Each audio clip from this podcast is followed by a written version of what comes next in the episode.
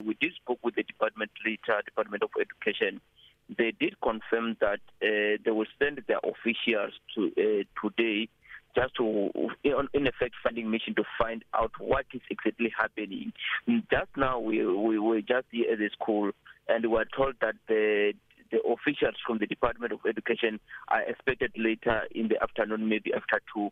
But I can confirm that not long ago, there was a meeting between a local ward councillor, the circuit manager, and the, and the school principal, where we even did the interview with the ward councillor, who who told us that they agreed that um, if if indeed uh, what, what was happening, the issue of demanding um, 550 rand from the parents before they can be given books, it must stop, and all learners must be given books. and all learners must be in class. The what councillor told us that that is the agreement that they had after that meeting. And outside the entrance, there are few of uh, parents of learners who are at the entrance waiting for that meeting after two, where they've been told that they will get the the books for the books uh, this afternoon. So, Michael, have any of the parents actually paid the 550 rand that was demanded by the school? definitely a number of parents they did pay. We even see, see uh, uh, we even they even provided us with a, a proof of payment. We've seen it. Uh, they paid 550 rand, and there are those who paid only 250, and they are saying they've been told that they would pay the they are they have been given until the 31st of March to pay the remaining balance. On a point of clarity, though, Michael, what did the department say in terms of the law? Uh, what do the rules state for quintile one schools? Are the, the parents supposed to be paying any sort of money for stationery to the school? Definitely, the money that um, the parents are paying is not really for stationery, it's just because the stationery is being used as as as as, as a starting block for them to get the, to get the books.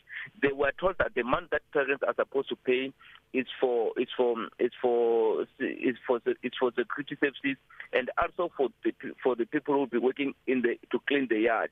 And when we spoke with the department, they indicated that the school, the Continental One school, they received money for norms and standards which can be used for such kind of uh, of services. But if it's not enough the schools do have um, there's a policy that allows schools to to agree uh, with the SCP and parents to do a fundraising in order to get money uh, to do some of other services that they want they want to do. Well, and uh, as the situation stands right now, is there another meeting expected later on, Michael? Definitely, uh, after two, uh, we were expecting some officials from the department to meet with the parents, those concerned parents who are at the entrance on whether even if it's, it won't be a meeting, we're expecting that maybe after two there will be they will be given books uh, those who are outside the, the school.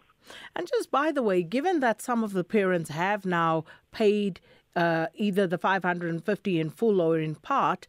What about those who simply do not have the money, those who cannot even scrape together half of it or even a 50 rand? What what's going to happen to them? definitely uh, later uh, we, uh, what what they what councillor told us is that they've agreed that all learners whether whether their parents paid or not they must give they must be given books which means it, it, it, there's a high possibility, or I can say, all learners are going to be given books now. But the question is, what will happen to those who have already paid that amount of money? Are they going to get it back? That's something that will will will will, will, will continue to monitor as as this is a developing story to check if they will be given if Michael Makunga, thanks so much for the update there from Malamulele. And uh, we'll wait to hear what happens. As Michael says, the question is now uh, the directive has been given that all children at the school should be given the stationery. So, what happens with uh, the monies that have already been paid over? Because not all parents have paid. Are those who have not yet paid, uh, or rather those who have paid, are they going to demand their monies back? I can imagine that they would. But But uh, Michael Makunga watching that story for us.